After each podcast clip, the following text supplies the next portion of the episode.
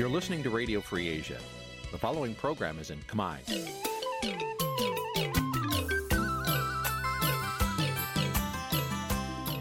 នេះជាកម្មវិធីផ្សាយ Vuthu Azizi Serai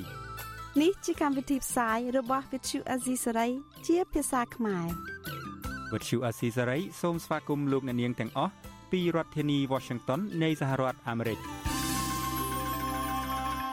ចាប់ពីរដ្ឋធានី Washington នាងខ្ញុំម៉ៃសុធានីសូមជម្រាបសួរលោកអ្នកស្ដាប់ទាំងអស់ជាទីមេត្រីចាយើងខ្ញុំសូមជូនការផ្សាយសម្រាប់ព្រឹកថ្ងៃសៅរ៍8រោចខែបុស្សឆ្នាំខាលចត្វាស័កពុទ្ធសករាជ2566ហើយដល់ត្រូវនៅថ្ងៃទី14ខែមករាគ្រិស្តសករាជ2023ជាដំបូងនេះសូមអញ្ជើញលោកអ្នកនាងកញ្ញាស្ដាប់ព័ត៌មានប្រចាំថ្ងៃដែលមានមេត្តាដូចតទៅ លោកសំរងស៊ីឈឺចាប់រឿងអយុត្តិធម៌ក្នុងសង្គមមន្ត្រីសង្គមស៊ីវិលនិងអ្នកវិភាគនយោបាយ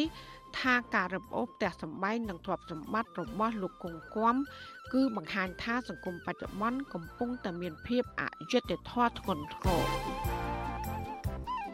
រដ្ឋាភិបាលថាការទៀមទាដោះលែងអ្នកទោសមនសិការ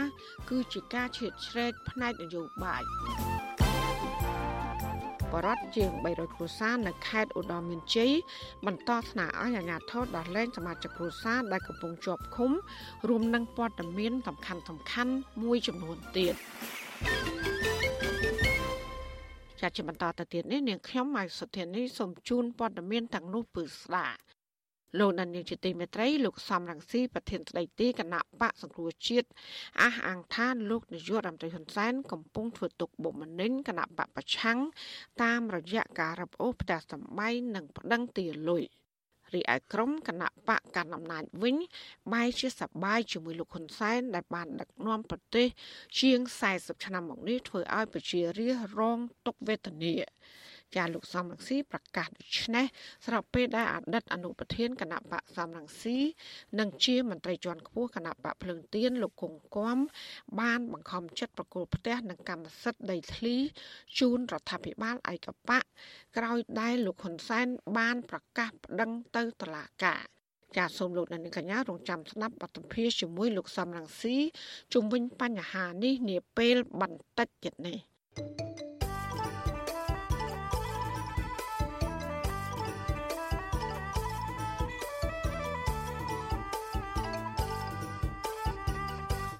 ចាលោកនានីទីមេត្រីពាក់ព័ន្ធនឹងទ្រព្យសម្បត្តិដីធ្លីរបស់លោកគង់គំនេះ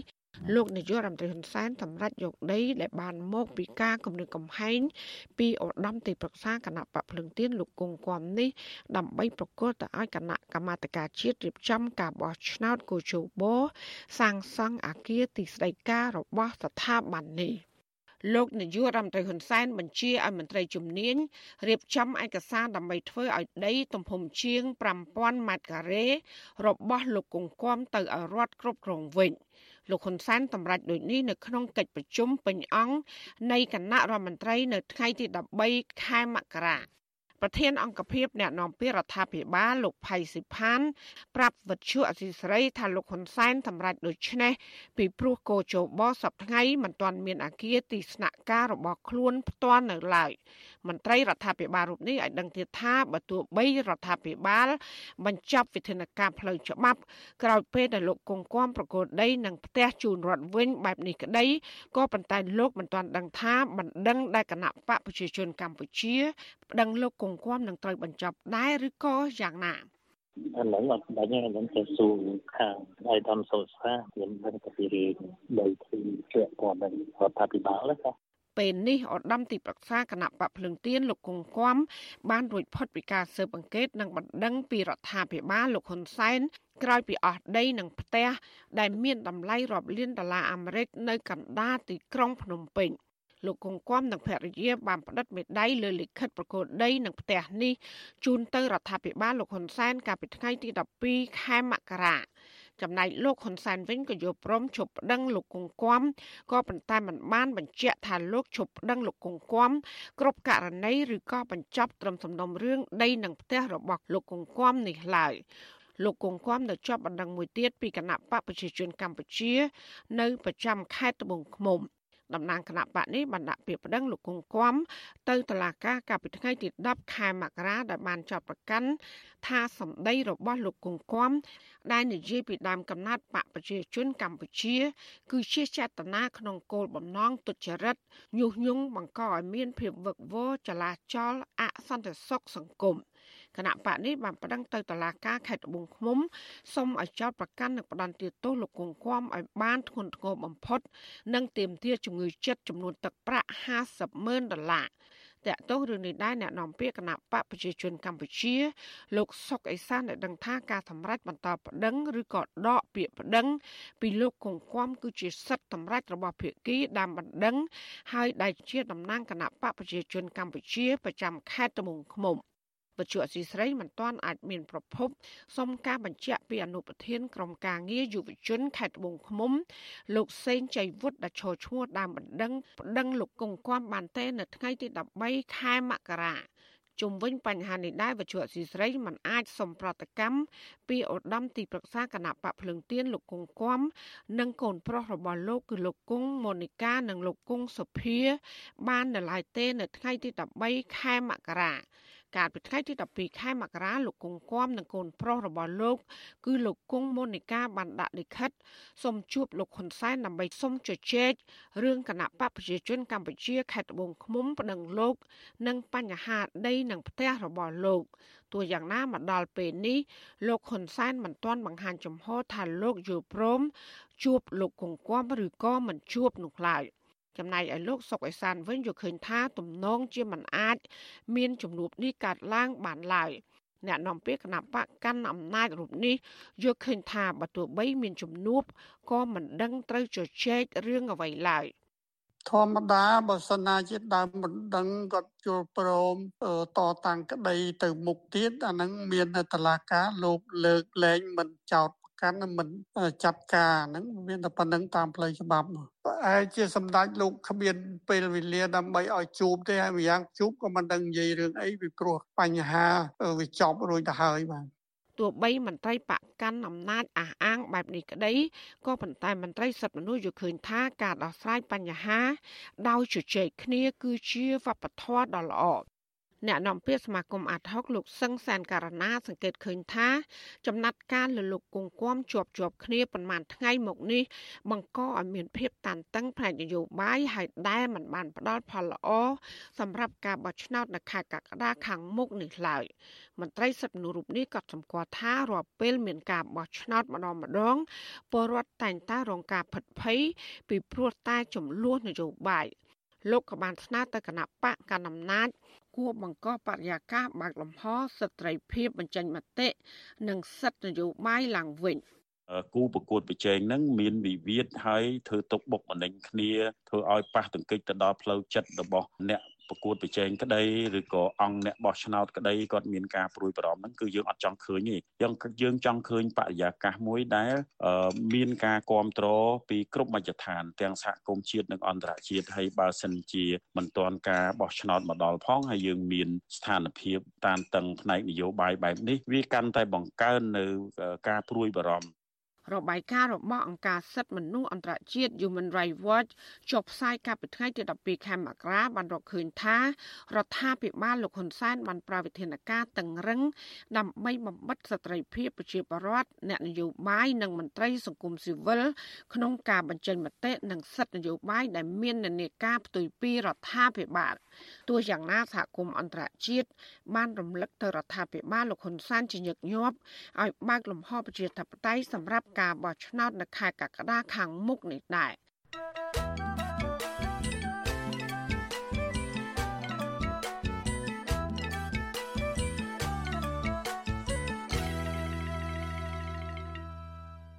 ចាលោកណានៀងជាទីមេត្រីអ្នកវិភាគសង្គមអ្នកនយោបាយនិងមន្ត្រីសង្គមស៊ីវិលមួយចំនួន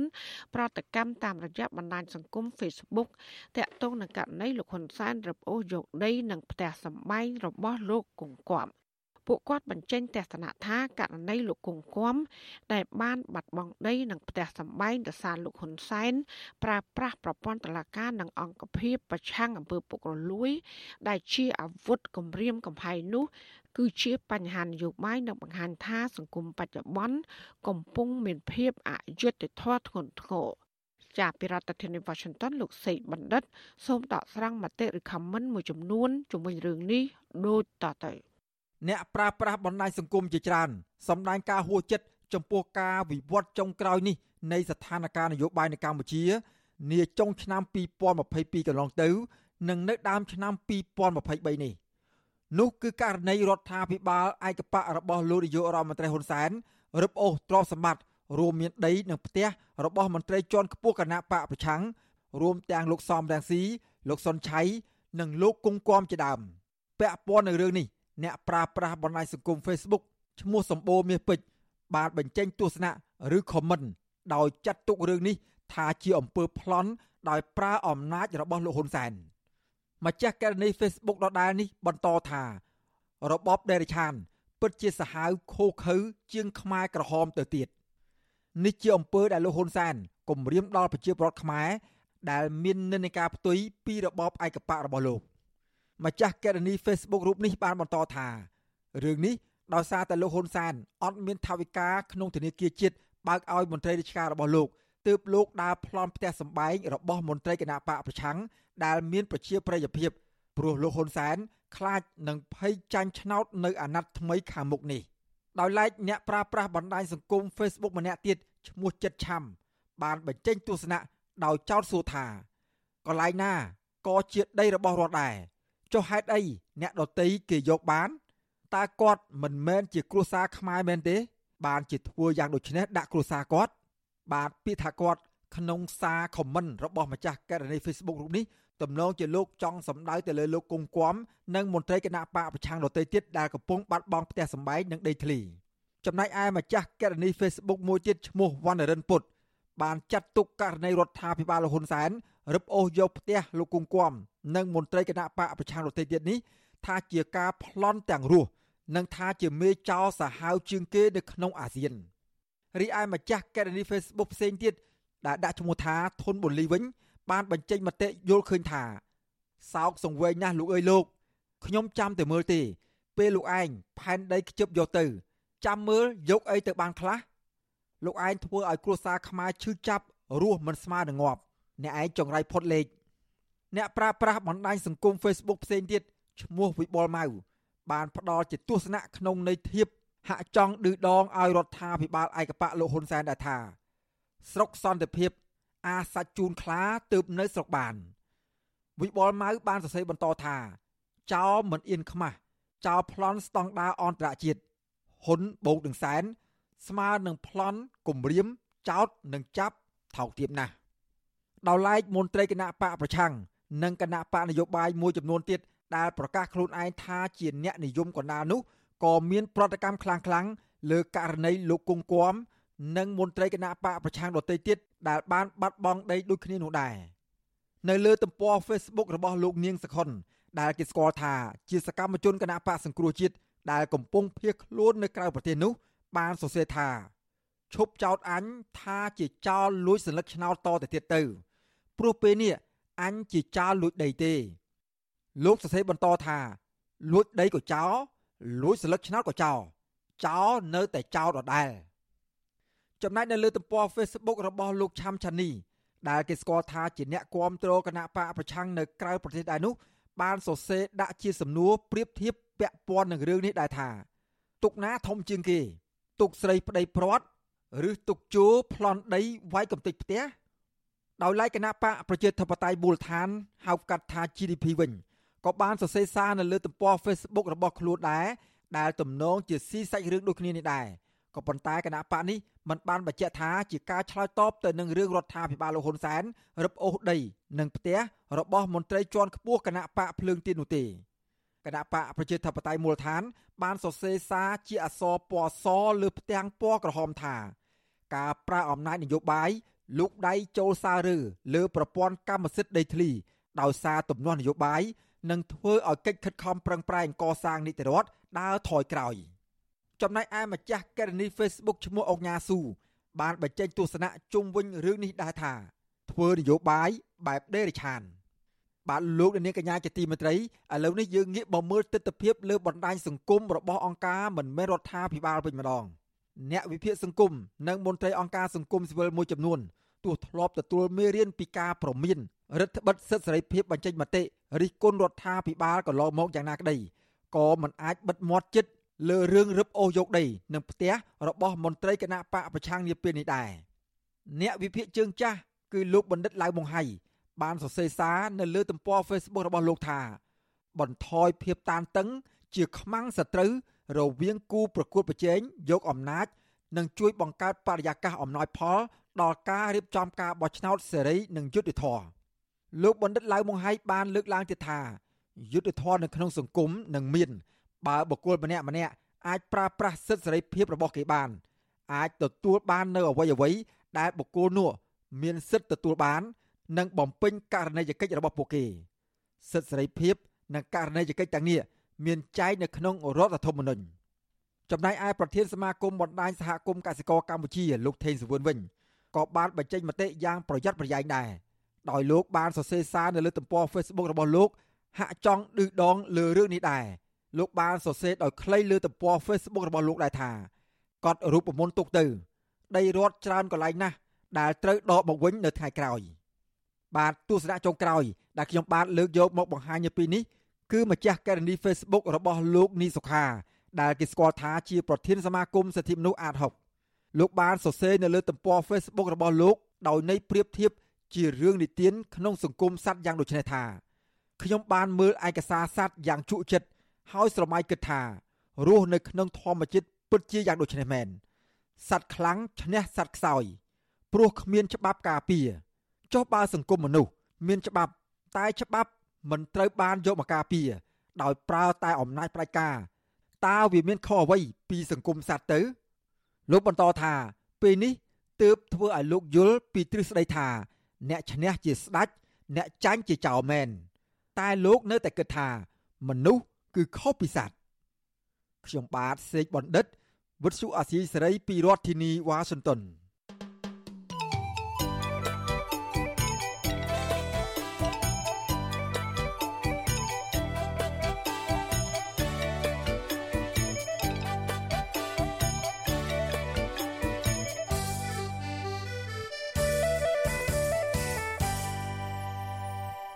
ចាលោកអ្នកស្ដាប់ទទីមេត្រីគណៈកម្មាធិការសិទ្ធិមនុស្សរបស់រដ្ឋាភិបាលលើកឡើងថាការទៀមទារបស់សមាជិកសភាអាស៊ានដើម្បីសិទ្ធិមនុស្សគឺជាការជ្រៀតជ្រែកនយោបាយផ្ទៃក្នុងរបស់កម្ពុជា។ ក៏ប៉ុន្តែមន្ត្រីអង្គការសង្គមស៊ីវិលយល់ឃើញថាការលើកឡើង របស់សមាជិកសភាអាស៊ានដើម្បីសិទ្ធិមនុស្សគឺជាការជំរុញឲ្យរដ្ឋាភិបាលលើកកម្ពស់សិទ្ធិមនុស្សស្របតាមច្បាប់ជាតិនិងអន្តរជាតិហើយមិនមែនជាការជ្រៀតជ្រែកផ្ទៃក្នុងនយោបាយរបស់កម្ពុជានោះឡើយចាលោកថាថៃរាយការណ៍ព័ត៌មាននេះដូចតទៅគណៈកម្មាធិការសិទ្ធិមនុស្សរដ្ឋាភិបាលកម្ពុជាយល់ឃើញថាការចេញរបាយការណ៍របស់សមាជិកសភាអាស៊ានដើម្បីសិទ្ធិមនុស្ស មិនបានឆ្លុះបញ្ចាំងអំពីស្ថានភាពសិទ្ធិមនុស្សជាក់ស្ដែងនៅកម្ពុជាឡើយអ្នកនាំពាក្យគណៈកម្មាធិការសិទ្ធិមនុស្សរបស់រដ្ឋាភិបាលលោកកតាអូនប្រាប់បច្ចុប្បន្នអាស៊ីសេរីនៅថ្ងៃទី13ខែមករាថាការលើកឡើងរបស់សមាជិកសភាអាស៊ានដើម្បីសិទ្ធិមនុស្សកាលពីពេលថ្មីៗនេះគឺជាការយល់ច្រឡំទាំងស្រុងអំពីស្ថានភាពសិទ្ធិមនុស្សនិងលទ្ធិប្រជាធិបតេយ្យនៅក្នុងប្រទេសកម្ពុជាលោកចាត់ទុកថាការទៀមទាឲ្យដោះលែងអ្នកទោសនយោបាយនិងសកម្មជនផ្សេងៗគឺជាការជ្រៀតជ្រែកផ្ទៃក្នុងរបស់ប្រទេសកម្ពុជាទៅវិញទេ គាត់កំពុងតែជ្រៀតជ្រែកកិច្ចការផ្ទៃក្នុងកម្ពុជាគាត់កំពុងតែរំលោភនៅធម្មនុញ្ញអាស៊ានមេតាមេត្រា2នៃធម្មនុញ្ញអាស៊ានដែលហាមមិនឲ្យមានការជ្រៀតជ្រែកកិច្ចការពីក្នុងនារដ្ឋជាសមាជិកដូច្នេះវាគ្រាន់តែជារបៀបរយៈនយោបាយមួយរបស់អ្នកទាំងនោះនៅក្នុងការវិបហាមកលើរដ្ឋាភិបាលកម្ពុជា ហើយទៅគ្រប់គ្រងភាគីម្ខាងទៀតដែលកំពុងតែប្រគល់ប្រជែងនៅក្នុងប្រទេសកម្ពុជា ការឆ្លើយតបពីមន្ត្រីរដ្ឋាភិបាលបែបនេះធ្វើឡើងបន្ទាប់ពីសមាជិកក្រុមប្រឹក្សាភិបាលនៃសមាជិកសភាអាស៊ានដើម្បីសិទ្ធិមនុស្សឬហៅថា APHR បានចេញសេចក្តីប្រកាសព័ត៌មានកាលពីថ្ងៃទី12ខែមករាថ្កោលទោសលោកនាយករដ្ឋមន្ត្រីហ៊ុនសែននៅបានគម្រាមកំហែងដោយផ្ទាល់លើក្រុមអ្នកប្រឆាំងមុនការបោះឆ្នោតសកលនៅខែកក្កដាឆ្នាំ2023ការថ្កោលទោសនេះដោយសារលោកហ៊ុនសែនកាលពីពេលថ្មីថ្មីនេះបានប្រកាសជាសាធារណៈ ចំពោះអ្នករិះគន់គណៈបកកណ្ដាលអំណាចថាលួចបន្លំសិលឹកឆ្នោតនោះគឺមានជំរឹះពីរទី1ប្រឈមមិនដឹងនៅតុលាការនិងទី2គឺត្រូវរងអំពើហិង្សាជាមួយគ្នានេះសមាជិករដ្ឋសភាឥណ្ឌូនេស៊ីនិងជាសមាជិកក្រុមប្រឹក្សាភិបាលនៃសមាជិកសភាអាស៊ានដើម្បីសិទ្ធិមនុស្សអ្នកស្រី Mercy Baren បានលើកឡើងថាការគម្រាមកំហែងប្រើអំពើហិង្សាពីមេដឹកនាំកម្ពុជាលោកហ៊ុនសែនដែលគ្រប់គ្រងអំណាចជិត40ឆ្នាំនិងបានប្រែក្លាយប្រទេសកម្ពុជាជារបបផ្ដាច់ការ គឺជារឿងគួរឲ្យព្រួយបារម្ភជាពន់ពេកចំពោះក្រុមអ្នកប្រជាធិបតេយ្យជុំវិញរឿងនេះនាយកទទួលបន្ទុកកិច្ចការទូតនៃអង្គការលីកាដូលោកអំសំអាតយល់ឃើញថាការលើកឡើងរបស់សមាជិកសភាអាស៊ានដើម្បីសិទ្ធិមនុស្សមិនមែនជាការជ្រៀតជ្រែកនយោបាយផ្ទៃក្នុងប្រទេសកម្ពុជានោះឡើយលោកបន្ថែមថាសេចក្តីប្រកាសព័ត៌មាននេះគឺជាការជំរុញឲ្យរដ្ឋាភិបាលកម្ពុជាលើកកម្ពស់ស្តង់ដារគោរពសិទ្ធិមនុស្សស្របតាមគោលដៅរបស់រដ្ឋាភិបាលដែលបានផ្ដល់សច្ចាប័នសិទ្ធិមនុស្សតែប៉ុណ្ណោះ លោកអំសំអាតបន្ថែមថាប្រសិនបើរដ្ឋាភិបាលដោះលែងអ្នកទោសមនសិការទាំងអស់និងបើកលំហប្រជាធិបតេយ្យឡើងវិញនោះរដ្ឋាភិបាលមិនត្រឹមតែអាចទទួលបានផលប្រយោជន៍សេដ្ឋកិច្ចពីបណ្ដាប្រទេសប្រជាធិបតេយ្យតែប៉ុណ្ណោះទេក៏ប៉ុន្តែក៏អាចឲ្យថ្នាក់ដឹកនាំរដ្ឋាភិបាលទទួលបានការគ្រប់គ្រងបន្ថែមពីប្រជាពលរដ្ឋក្នុងស្រុកនិងអន្តរជាតិដែរ កម្ពុជាយើងយើងទៅលេខមើលថាអ្វីដែលយើងនៅខ្វះចន្លោះមិនទាន់បានអនុវត្តមិនទាន់បានបំពេញបើយើងធ្វើការកែលម្អកម្ពុជាយើងនឹងទទួលផលចំណេញពីវាងការបាត់បង់ពីមុនមកដូចជាការអនុគ្រោះពន្ធ CBA ដែលយើងបាត់បង់20% GST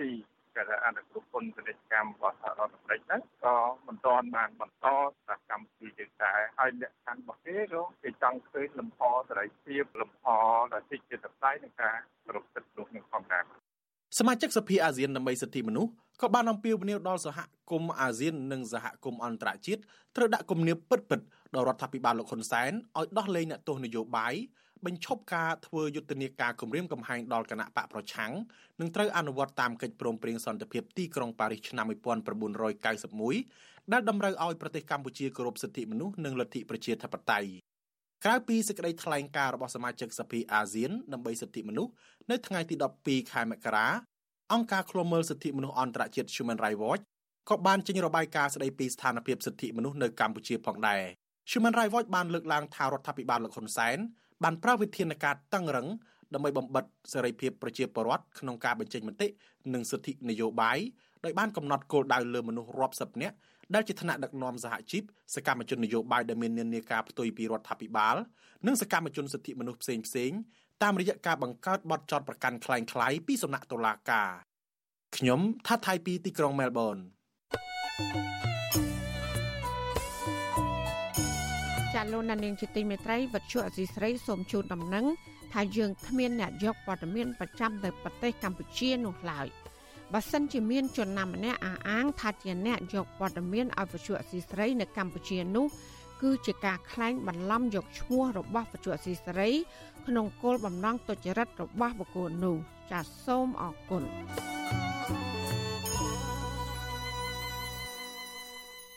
ចាលោកនាយកជាទីមេត្រីស្របពេលដែលប្រទេសជាច្រើនក្នុងពិភពលោក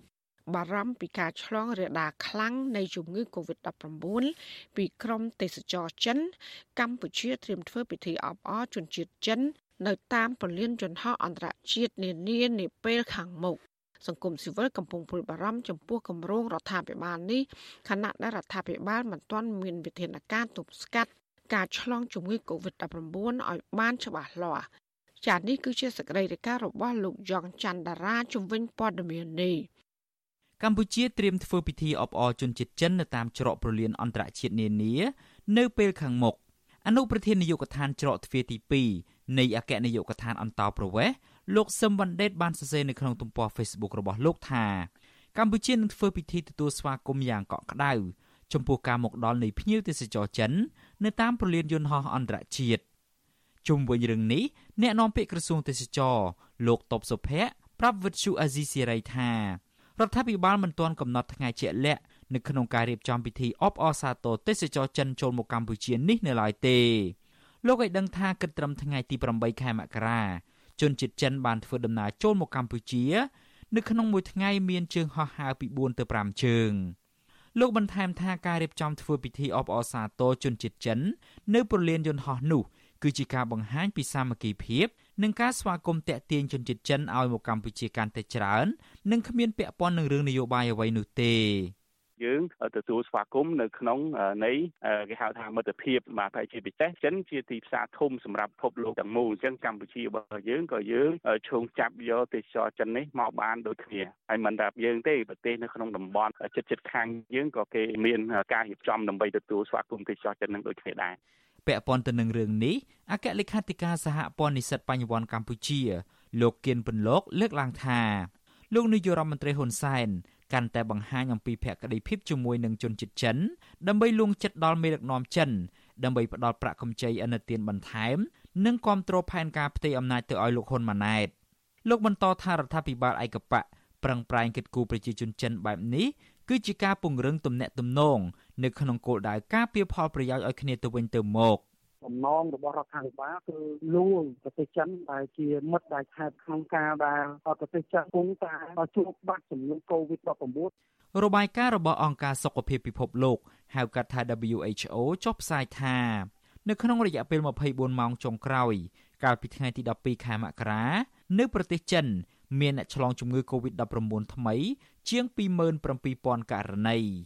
ដោយឡែកនៅកម្ពុជាវិញគិតត្រឹមថ្ងៃទី12មករាកម្ពុជាមានអ្នកឆ្លងជំងឺនេះជិត140,000នាក់នៅក្នុងនោះមានករណីឆ្លងថ្មីចំនួន9ករណីនិងមានអ្នកស្លាប់ជាង3000នាក់ខ្ញុំយ៉ងច័ន្ទដារាវិទ្យុអាស៊ីសេរីរាយការណ៍ពីរដ្ឋធានី Washington ចាលោកនាងកញ្ញាកំពុងស្ដាប់ការផ្សាយរបស់វិទ្យុអាស៊ីសេរីផ្សាយចេញពីរដ្ឋធានី Washington ជាដំណើរគ្នានឹងស្ដាប់ការផ្សាយរបស់វិទ្យុអស៊ីសេរីតាមបណ្ដាញសង្គម Facebook និង YouTube លោកអ្នកនាងកញ្ញាក៏អាចស្ដាប់ការផ្សាយរបស់វិទ្យុអស៊ីសេរី តាមរយៈរលក ធាតុអាកាសខ្លីឬ short wave តាមកម្រិតនិងកម្ពស់ដូចតទៅចាប់ពេលព្រឹកចាប់ពីម៉ោង5កន្លះដល់ម៉ោង6កន្លះតាមរយៈប៉ុស SW 9.39 MHz ស្មើនឹងកម្ពស់32ម៉ែត្រ និងប៉ុស SW 11.85 MHz ស្មើនឹងកម្ពស់25ម៉ែត្រចាសសម្រាប់ពេលយប់វិញចាប់ពីម៉ោង7កន្លះដល់ម៉ោង8កន្លះតាមរយៈប៉ុស SW 9.39 MHz ស្មើនឹងកម្ពស់32ម៉ែត្រប៉ុស SW 11.88 MHz ស្មើនឹងកម្ពស់25ម៉ែត្រ និងប៉ុស SW 15.15 MHz ស្មើនឹងកម្ពស់ 20ម៉ែត្រចាសសូមអរគុណចាលោកនាងកញ្ញាកំពុងស្ដាប់ការផ្សាយរបស់វិទ្យុអសីស្រីផ្សាយចេញពីរដ្ឋធានី Washington ប្រជាប្រដ្ឋប្រមាណ300គ្រួសារនៅខេត្តឧត្តរមានជ័យដែលរងគ្រោះក្នុងចំនួនដីធ្លីជាមួយក្រុមហ៊ុនចំការកៅស៊ូនៅក្នុងស្រុកត្រពាំងប្រាសាទថ្នាក់ឲ្យអាជ្ញាធរដោះលែងសមាជិកគ្រួសារនិងសាច់ញាតិរបស់ពួកគេដែលកំពុងជាប់ឃុំតើមន្ត្រីសង្គមស៊ីវិលយល់ឃើញដោយម្ដេចចំពោះការចាប់ចងប្រជាប្រដ្ឋរងគ្រោះដោយសារដីធ្លីចាសសេចក្តីរាយការណ៍ពិស្ដារអំពីរឿងនេះលោកណានៀងក៏នឹងបានស្ដាប់នាពេលបន្តិចទៀតនេះ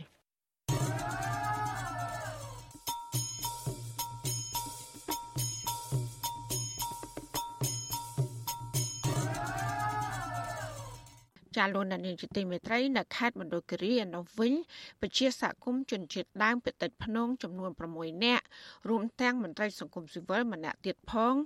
កាលពីថ្ងៃទី12ខែមករាបានចូលខ្លួនទៅបំភ្លឺនៅសាលាឧទ្ធរខេត្តត្បូងឃ្មុំតាក់ទងសំណុំរឿងប្តឹងអាជ្ញាធរ2នាក់ពីបទចេញបានកម្មសិទ្ធិដីធ្លីឬប្លង់រឹងក្នុងតំបន់ព្រៃស្រោងខុសច្បាប់ពួកគាត់ចាត់ទុកថាទង្វើនេះគឺជាការកេងប្រវ័ញ្ចសម្បត្តិជាតិនិងបំពានបំរាមរដ្ឋាភិបាលចាលោកនៅវណ្ណរិនរាជការព័ត៌មាននេះប្រជាសហគមន៍ជនជាតិដើមភាគតិចភ្នងទាំងនោះរស់នៅក្នុងភូមិពុលុឃុំប៊ូស្រា ស្រុកពេជ្រដា បានបន្តអំពាវនាវឲ្យសាលាឧទ្ធរខេត្តត្បូងឃ្មុំផ្ដល់យុត្តិធម៌នៅក្នុងសំណុំរឿងនេះដើម្បីប្រមានដល់អាជ្ញាធរដទៃទៀតឲ្យគោរពច្បាប់ព្រៃឈើ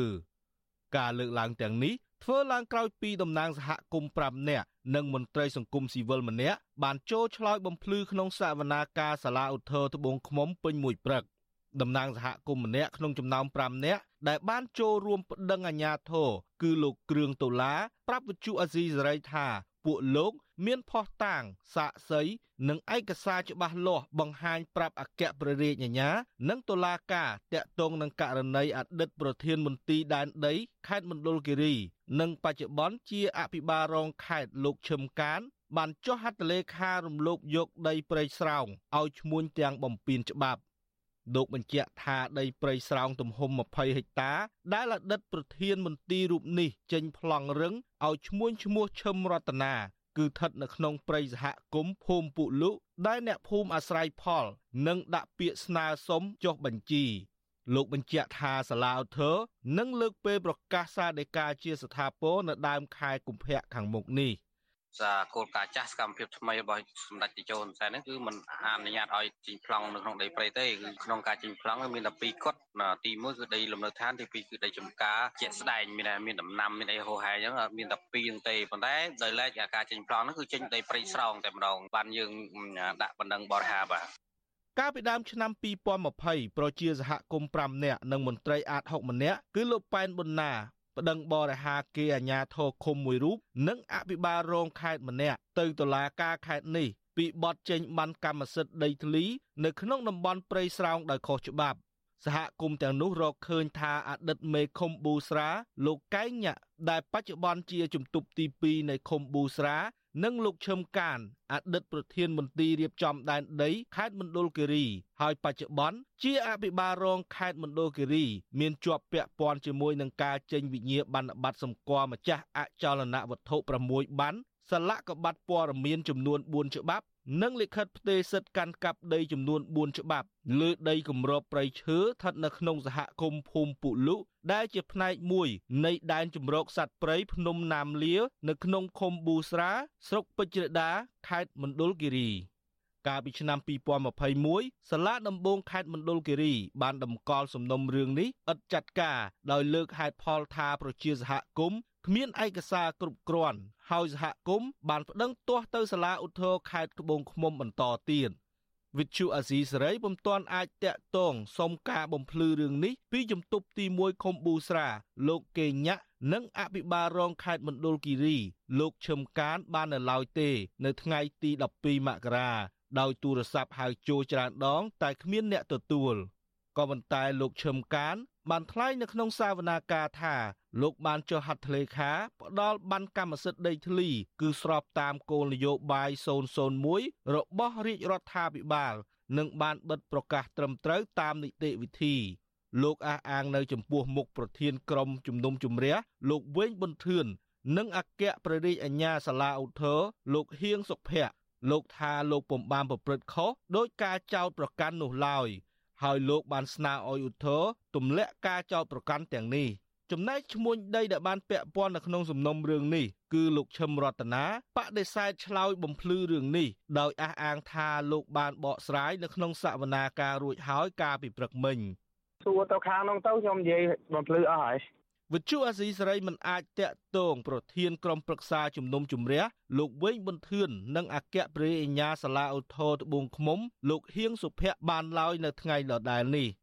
ប៉ុន្តែប្រធានក្រុមប្រឹក្សាជំនុំជម្រះលោកវែងប៊ុនធឿនបានប្រកាសក្នុងសវនាការសាលាឧទ្ធរថានឹងប្រកាសសាលដីកាស្ថាពរនៅថ្ងៃទី1កុម្ភៈខាងមុខនេះ។ លោកគ្រឿងដុល្លារបន្ថែមថានៅក្នុងពេលលោកលឹមកានមានតួនាទីជាប្រធានមន្ទីរដែនដីខេត្តមណ្ឌលគិរីគាត់បានប្រើឥទ្ធិពល រំលោភយកព្រៃស្រោងរបស់រដ្ឋទំហំ20ហិកតា ដែលបានធ្វើឲ្យអ្នកភូមិខឹងសម្បានិងកើតទុកមិនសុខចិត្តលោកថាបច្ចុប្បន្ននេះដីដែលអាជ្ញាធរចេញប្លង់មានផ្នែកខ្លះនៅតែជាដីព្រៃស្រោង និងមានផ្នែកខ្លះទៀតពលរដ្ឋធ្វើកសិកម្ម ថិតនៅចំណុចអូរ៉េត និងអូតយក្នុងព្រៃសហគមន៍ភូមិអ៊ុលូ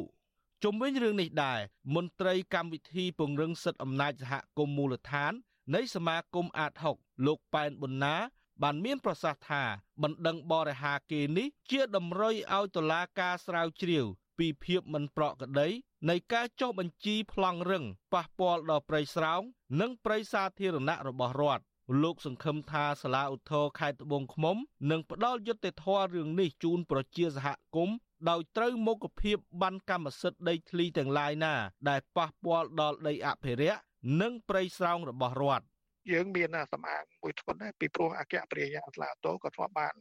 ចោទលោកឈឹមការនឹងពីបទក្លែងប្លន់ឯកសារធាតុសាធារណៈមាត្រា5 6 29ដែរឧទាហរណ៍បើសិនជារកឃើញរហូតមករហូតដល់ជុំព្រះគឺថាបទក្លែងប្លន់ឯកសារគឺជាទោសក្រិតបាទត្រូវជាប់ពន្ធនាគារពី5ឆ្នាំទៅ10ឆ្នាំលោកប៉ែនបណ្ណាសង្កេតឃើញថាសំណុំរឿងនេះគ្រាន់តែជាតម្រុយមួយផ្នែកដែលលាតត្រដាងពីភាពមិនប្រក្រតី របស់អាញាធរខលខូចដែលខុបខិតគ្នាចេញបានកម្មសិទ្ធិរំលោភដីព្រៃរបស់រដ្ឋក្នុងខេត្តមណ្ឌលគិរី ដែលរដ្ឋាភិបាល គួរចាត់វិធានការទប់ស្កាត់បាតុភិបនេះកុំឲ្យមានកើតឡើងជាថ្មី។ លោកឈឹមកាន ដែលបានកាន់តំណែងជាប្រធានមន្ទីរដែនដីខេត្តមណ្ឌលគិរីតាំងពីឆ្នាំ2006ដល់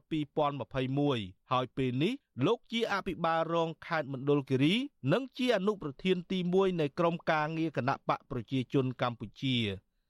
ខ្ញុំបាទនៅវណ្ណរិន with Chu Azizi Saray ពីរដ្ឋធានី Washington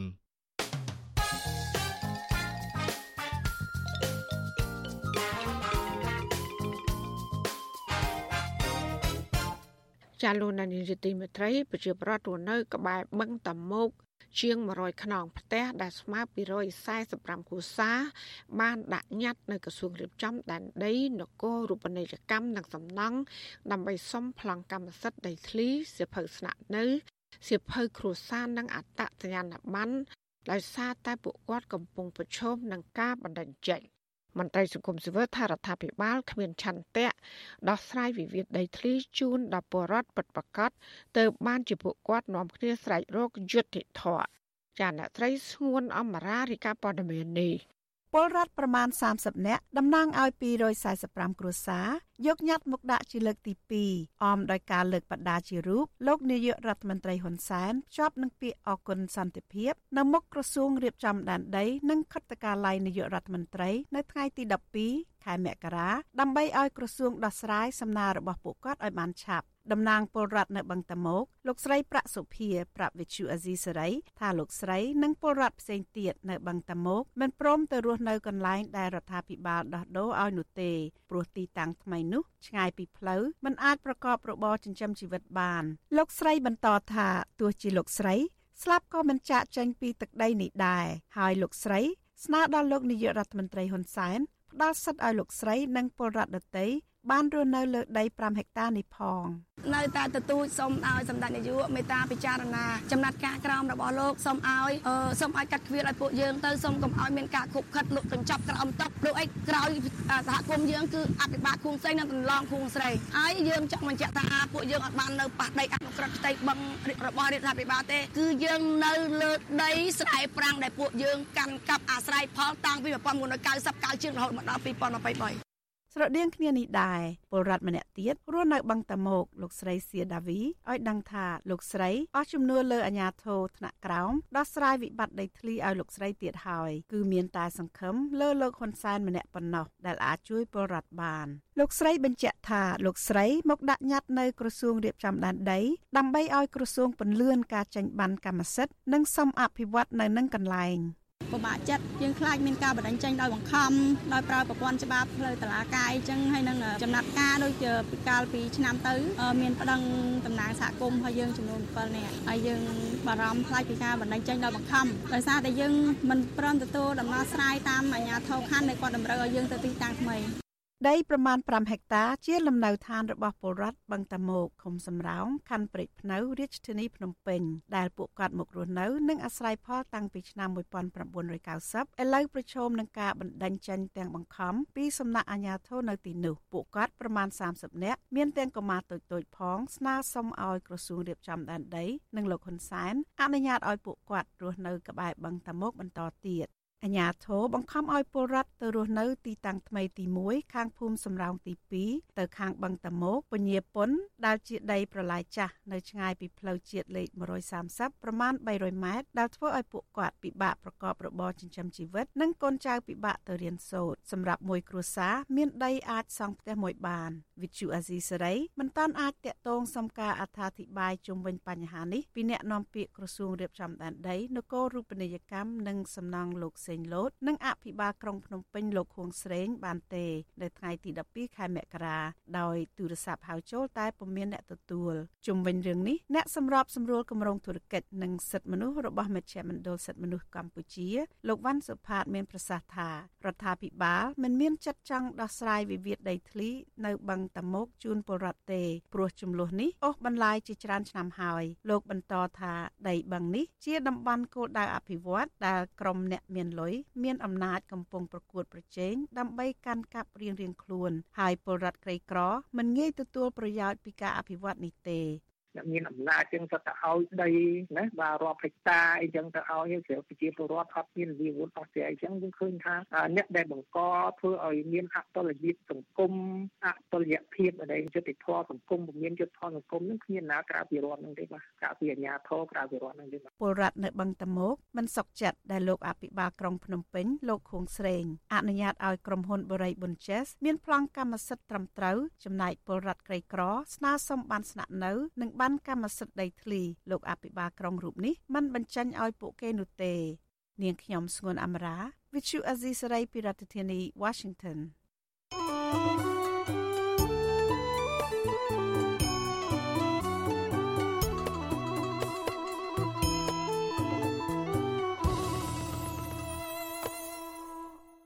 លោកនានីជាទីមេត្រីពាក់ព័ន្ធនឹងបញ្ហាគ្រឿងញៀនវិញ មន្ត្រីប្រឆាំងបាត់ល្មើសគ្រឿងញៀនទទួលស្គាល់កំហុសដែលមន្ត្រីនគរបាលមួយក្រុមបានខាត់ខ្លួនបរដ្ឋម្នាក់ដោយយល់ច្រឡំថាពាក់ព័ន្ធនឹងគ្រឿងញៀននៅភូមិតងួន2ខណ្ឌពោធិ៍សែនជ័យរាជធានីភ្នំពេញមន្ត្រីប្រឆាំងបាត់ល្មើសគ្រឿងញៀនបានបញ្ជាក់ក្នុងលិខិត កាលពីថ្ងៃទី12ខែមករាថាថ្នាក់ដឹកនាំនៃអគ្គស្នងការដ្ឋាននគរបាលជាតិសម្រាប់ដាក់វិន័យមន្ត្រីនោះក៏ប៉ុន្តែមិនបានបញ្ជាក់អំពីការទទួលខុសត្រូវចំពោះជនរងគ្រោះនោះឡើយ។ វិធានការនេះកើតមានឡើងក្រោយពេលដែលជនរងគ្រោះបានឲ្យដឹងថាសមត្ថកិច្ចមានទាំងស្លៀកពាក់ស៊ីវិលនិងឯកសណ្ឋានរាជធានីភ្នំពេញ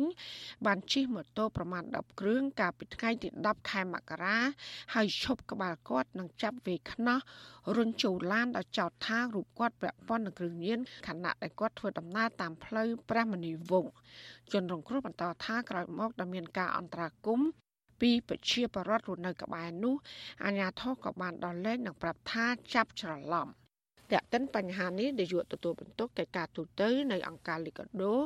លោកអំសំអាតមានប្រសាសន៍អ្នកអនុវត្តច្បាប់ប្រព្រឹត្តខុសច្បាប់ត្រូវតែទទួលទោសតាមផ្លូវច្បាប់ ដើម្បីជាគំរូដើម្បីទប់ស្កាត់កុំឲ្យមានគំរូអាក្រក់ដល់មន្ត្រីប្រព្រឹត្តខុសទៀត។ យើងជាអង្គការសង្គមស៊ីវិលគឺយើងជំរុញឲ្យមានការអនុវត្តច្បាប់ឲ្យមានតម្លាភាពនិងយុត្តិធម៌ជនណាក៏ដោយឲ្យតែអនុវត្តខុសនឹងច្បាប់ត្រូវតែទទួលទោសទៅតាមផ្លូវច្បាប់បើសិនជាមន្ត្រីឬក៏អ្នកអនុវត្តច្បាប់តែគាត់ប្រព្រឹត្តខុសអាហ្នឹងគាត់ត្រូវទទួលទោសធ្ងន់ទោសទៅទៀតដល់ដើម្បីជាការមួយឲ្យរៀងចាលហើយនឹងជាការមួយដើម្បីទប់ស្កាត់កុំឲ្យមានអំពើនឹងតទៅទៀត ចាមន្ត្រីសង្គមស៊ីវិលយល់ឃើញថាមូលហេតុដែលសមត្ថកិច្ចតែងតែប្រាំពើហង្សាលើបរដ្ឋឬជនសង្ស័យនោះគឺដោយសារតែពួកគាត់មិនសូវយល់ដឹងពីច្បាប់ និងតែងតែរួចខ្លួនពីសំណាញ់ច្បាប់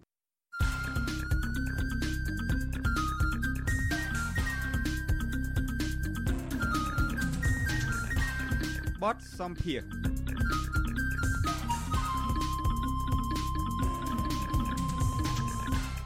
ចាលោកណានៀងជាទីមេត្រីលោកសំរងស៊ីប្រធានស្ដីទីគណៈបកសង្គ្រោះជាតិអះអាងថាលោកនាយករដ្ឋមន្ត្រីហ៊ុនសែនកំពុងធ្វើទុកបុកម្នេញគណៈបកប្រឆាំង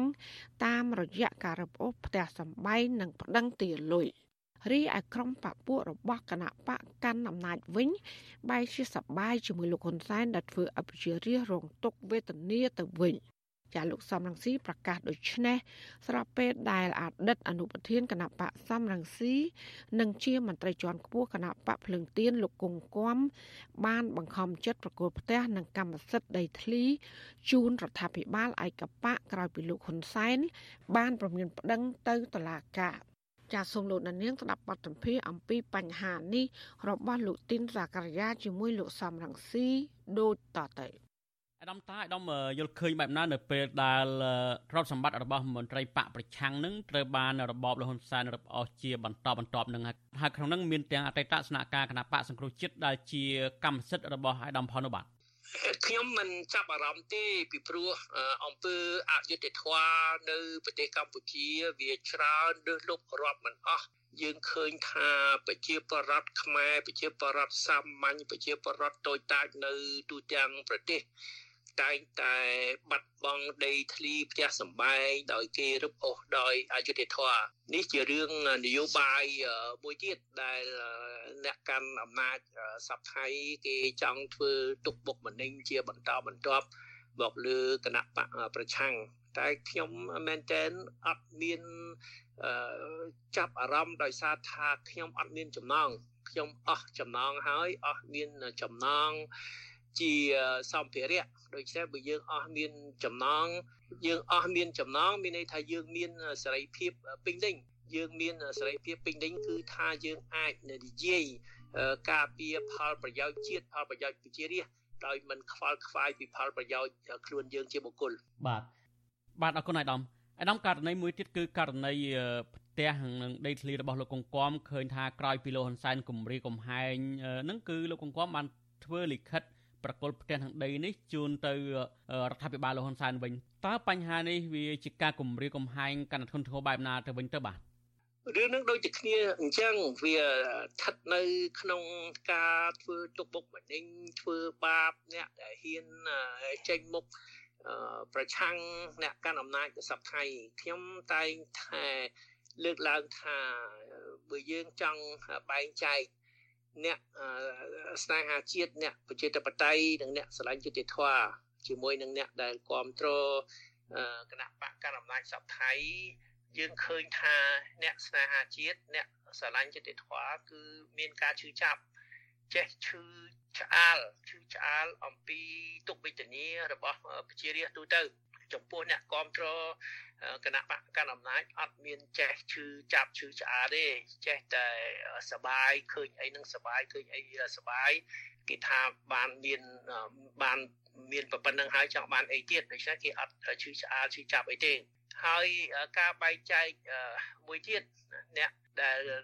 គ្រប់គ្រងគណៈបកប្រឆាំងគឺយើងសួរខ្លួនយើង ថាយើង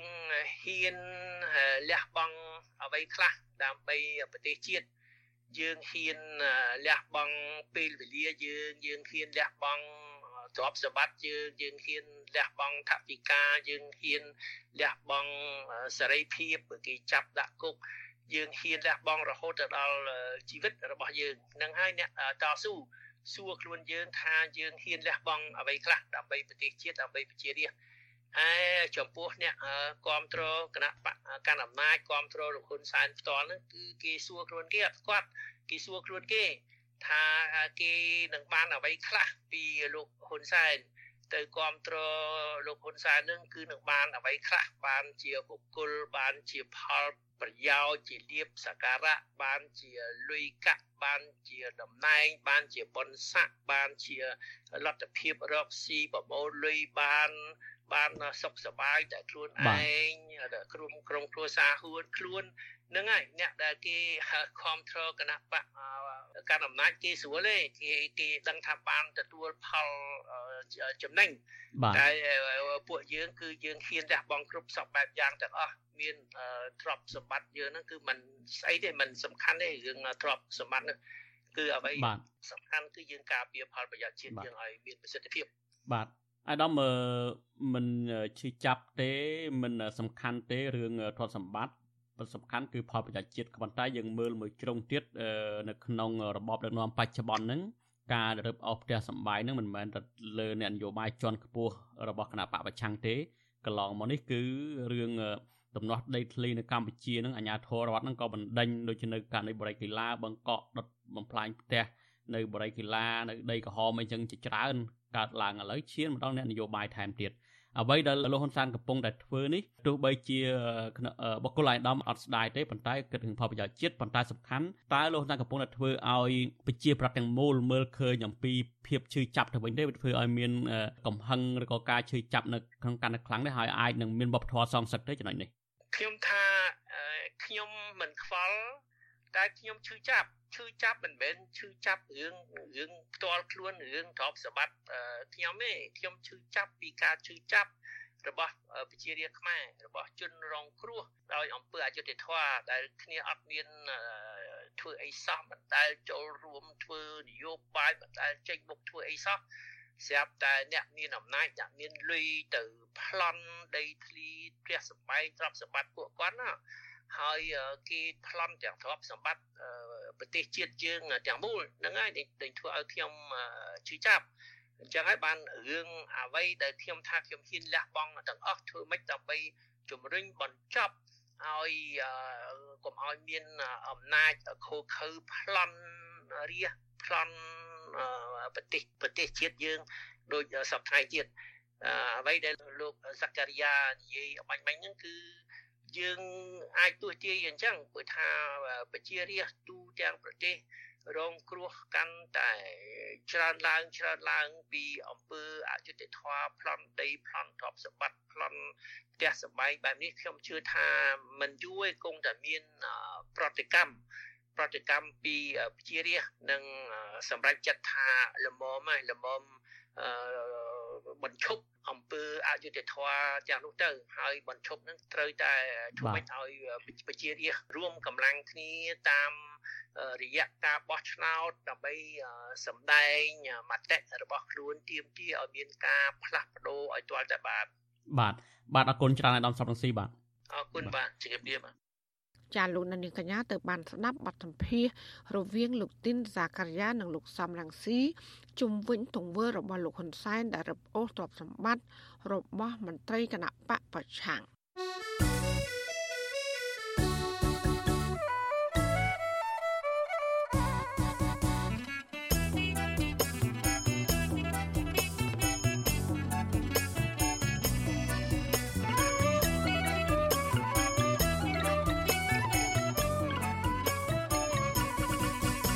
ចាលោកនានីជាទីមេត្រីពីខេត្តឧត្តរមានជ័យឥឡូវវិញប្រជាពលរដ្ឋប្រមាណ300គ្រួសារដែលរងគ្រោះក្នុងចំនួនដីធ្លីជាមួយក្រុមហ៊ុនចំការកៅស៊ូនៅស្រុកត្រពាំងប្រាសាទស្នើឲ្យអាជ្ញាធរដោះលែងក្រុមគ្រួសារនិងសាច់ញាតិរបស់ពួកគេ ដែលកំពុងជាប់ឃុំក្នុងពន្ធនាគារ ចាមន្ត្រីសង្គមស៊ីវិលជំរុញអាជ្ញាធរបញ្ឈប់ការចាប់ខ្លួនប្រជាពលរដ្ឋក្នុងរឿងចំនួនដីធ្លីនិងដោះស្រាយដោយផ្អែកលើគោលការណ៍គុណធម៌និងយុត្តិធម៌ចាលោកលេងម៉ាលីមានសេចក្តីរាយការណ៍ពុស្ដាជំវិញព័ត៌មាននេះប្រជាពលរដ្ឋជាង300គ្រួសារនៅស្រុកត្រពាំងប្រាសាទខេត្តឧត្តរមានជ័យប្រឈមនឹងជីវភាពលំបាកនិងបាក់បែកគ្រួសារបន្ទាប់ពីអាជ្ញាធរបណ្តេញចេញដោយបង្ខំ ហើយចាប់ខ្លួនសមាជិកគ្រួសារយកទៅឃុំឃាំងនៅពន្ធនាគារក្នុងចំនួនដីធ្លីជាមួយក្រុមហ៊ុនចំការកៅស៊ូសុកសំណាងពលរដ្ឋរងគ្រោះក្នុងចំនួនដីធ្លីនៅស្រុកត្រពាំងប្រាសាទខេត្តឧត្តរមានជ័យដែលសុំមិនបញ្ចេញឈ្មោះប្រាប់វិទ្យុអស៊ីសេរីនៅថ្ងៃទី13មករាថាលោកស្រីនៅតែបន្តរស់នៅលាក់ខ្លួននិងមិនហ៊ានវិលត្រឡប់ទៅផ្ទះវិញឡើយដោយសារខ្លាចអាជ្ញាធរចាប់ខ្លួន។លោកស្រីបន្តថាកូនបង្កើតនិងកូនប្រសារលោកស្រីម្នាក់ កំពុងជាប់ឃុំក្នុងពន្ធនាគារហើយមកទល់ពេលនេះលោកស្រីមិនទាន់ដឹងអំពីស្ថានភាពពួកគេនៅឡើយទេលោកស្រីស្នើដល់អាជ្ញាធរឲ្យដោះលែងកូនកូននិងអ្នកជាប់ឃុំដទៃទៀតព្រមទាំងបញ្ឈប់ការគំរាមកំហែងតាមចាប់ខ្លួនអ្នកភូមិដើម្បីឲ្យពួកគេវិលត្រឡប់ទៅជួបជុំគ្រួសារនិងកសាងជីវិតសាជាថ្មី។ សូមឲ្យសម្ដេចគាត់ជួយដោះលែងគាត់ឲ្យរួចពីពន្ធនាគារនៅលោកគ្រូអើយខ្ញុំថ្នាក់អាណិតអាគ្នាអស់ជឿអស់សម្បែកអស់សលោកអស់អុយហើយចាប់ដាក់គ្នាដាក់ពន្ធនាគារទៀតលោកគ្រូស្នើសុំឲ្យបកពាក្យមិនដឹងពាក្យអុយចេញឲ្យគ្នារួចឲ្យមើលកូនមើលចៅលោកគ្រូអើយសំណោះគ្នាណាលោកគ្រូកាលពីថ្ងៃទី10ខែធ្នូឆ្នាំ2022កងកម្លាំងចម្រុះប្រដាប់ដោយអាវុធនិងដំបង បានចូលទៅវាយដំពលរដ្ឋដែលមានទំនាស់ដីធ្លីជាមួយក្រុមហ៊ុនចំការកៅស៊ូសុកសំណាងទាំងកំរោលគណៈពលរដ្ឋទាំងនោះមិនបានតវ៉ាឬប្រឆាំងតបតអ្វីឡើយក្រុមអាជ្ញាធរបានដុតកំទេចផ្ទះសម្បែងរឹបអូសទ្រព្យសម្បត្តិដូចជាម៉ូតូគោយន្តម៉ាស៊ីនបូមទឹក និងចាប់ខ្លួនពលរដ្ឋចំនួន8នាក់យកទៅឃុំឃាំងនៅពន្ធនាគារ អង្គការលីកាដូបញ្ជាក់ថាមានអ្នកភូមិទាំងអស់19នាក់កំពុងជាប់ឃុំបណ្ដោះអាសន្ននៅក្នុងពន្ធនាគារខេត្តឧត្តរមានជ័យដើម្បីរងចាំសវនាការទោះជាយ៉ាងណាក្តីប្រជាពលរដ្ឋអះអាងថាអ្នកភូមិដែលអាជ្ញាធរចាប់ខ្លួននិងកំពុងជាប់ឃុំក្នុងពន្ធនាគារទាំងអស់មានចំនួន27នាក់វិទ្យុអស៊ីសេរីមិនអាចតាក់ទងប្រធានលេខាធិការដ្ឋានរដ្ឋបាលតុលាការខេត្តឧត្តរមានជ័យលោកហែលឆេងហុង និងអភិបាលខេត្តឧត្តរមានជ័យលោកប៉ែនកុសលដើម្បីសាកសួររឿងនេះបាននៅឡើយទេនៅថ្ងៃទី13មករាចំណែកតំណាងក្រុមហ៊ុនសុកសំណាង លោកខុតចន្ទថាក៏អសីសេរីមិនទាន់អាចតាក់ទងបានដូចគ្នាករណីបណ្ដឹងចេញដោយបង្ខំកាលពីថ្ងៃទី10ធ្នូបណ្ដាលឲ្យប្រជាពលរដ្ឋដែលរួចផុតពីការចាប់ខ្លួននៅពេលនោះភ័យតក់ស្លុតរត់គេចខ្លួនចោលផ្ទះសម្បែងរបស់របរលុយកាក់បែកបាក់គ្រួសារនិងខ្លះរងរបួសទៀតផង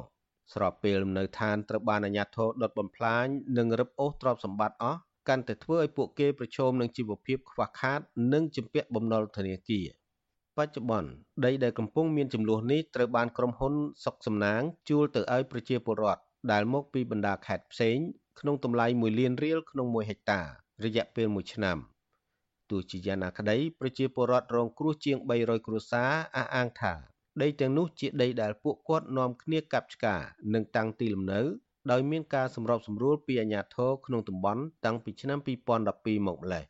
ជុំវិញរឿងនេះមន្ត្រីសម្របសម្រួលនៃសមាគមការពារសិទ្ធិមនុស្សអាតហុកប្រចាំខេត្តឧត្តរមានជ័យលោកស្រីណារ៉េនឲ្យដឹងថាមកទល់ពេលនេះពលរដ្ឋរងគ្រោះដែលរត់ភៀសខ្លួន កំពុងធ្លាក់ក្នុងភាពក្រីក្រជាងមុន ដោយសារគ្មានការងារធ្វើ បាត់បង់ដីធ្លី មុខរបរនិងគ្មានទ្រព្យសម្បត្តិជាប់ខ្លួននោះឡើយលោកទទូចដល់អាជ្ញាធរនិងតុលាការឲ្យបញ្ឈប់ការតាមចាប់ពលរដ្ឋទាំងនោះនិងដោះលែងអ្នកកំពុងជាប់ឃុំហើយងាកមកដោះស្រាយដោយសន្តិវិធី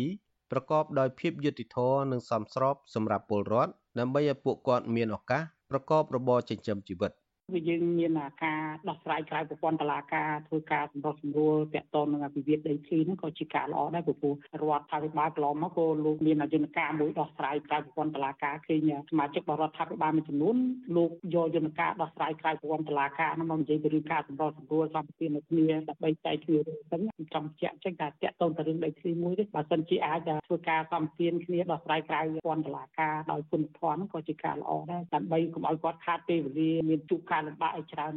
កន្លងទៅលោកនាយករដ្ឋមន្ត្រីហ៊ុនសែនធ្លាប់ប្រកាសឲ្យមន្ត្រីក្រមអាវ៉ាតនៅតាមរដ្ឋបាលខេត្តនីមួយៗដោះស្រាយបញ្ហាដីធ្លីជូនប្រជាពលរដ្ឋដោយមិនត្រូវប្រើអំពើហិង្សា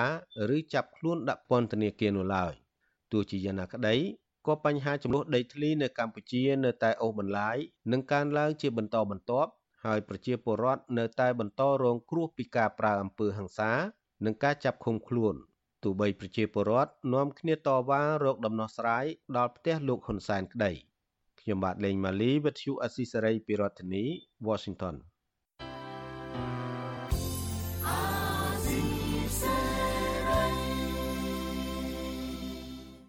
ចាលោកលានាងកញ្ញាអ្នកស្ដាប់ជាទីមេត្រីការផ្សាយរយៈពេល1ម៉ោងរបស់វិទ្យុអាស៊ីស្រីជាភាសាខ្មែរនៅពេលនេះចាប់តែប៉ុណ្ណេះ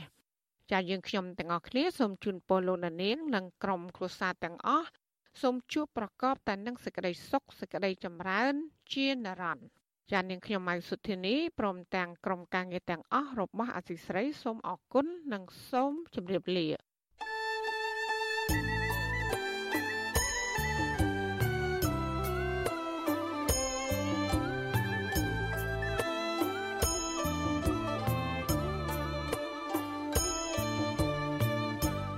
វិទ្យុអេស៊ីសរ៉ៃផ្សាយតាមរលកធារកាសខ្លីឬ shortwave តាមកម្រិតនិងកម្ពស់ដូចតទៅនេះពេលព្រឹកចាប់ពីម៉ោង5កន្លះដល់ម៉ោង6កន្លះតាមរយៈប៉ុស SW 9.39 MHz ស្មើនឹងកម្ពស់ 32m និងប៉ុស SW 11.85 MHz ស្មើនឹងកម្ពស់ 25m ពេលយប់ចាប់ពីម៉ោង7កន្លះដល់ម៉ោង8កន្លះតាមរយៈប៉ុស SW 9.39 MHz ស្មើនឹងកម្ពស់ 32m ប៉ុស SW 11.88 MHz ស្មើនឹងកម្ពស់ 25m និងប៉ុស SW 15.15 MHz ស្មើនឹងកម្ពស់ 20m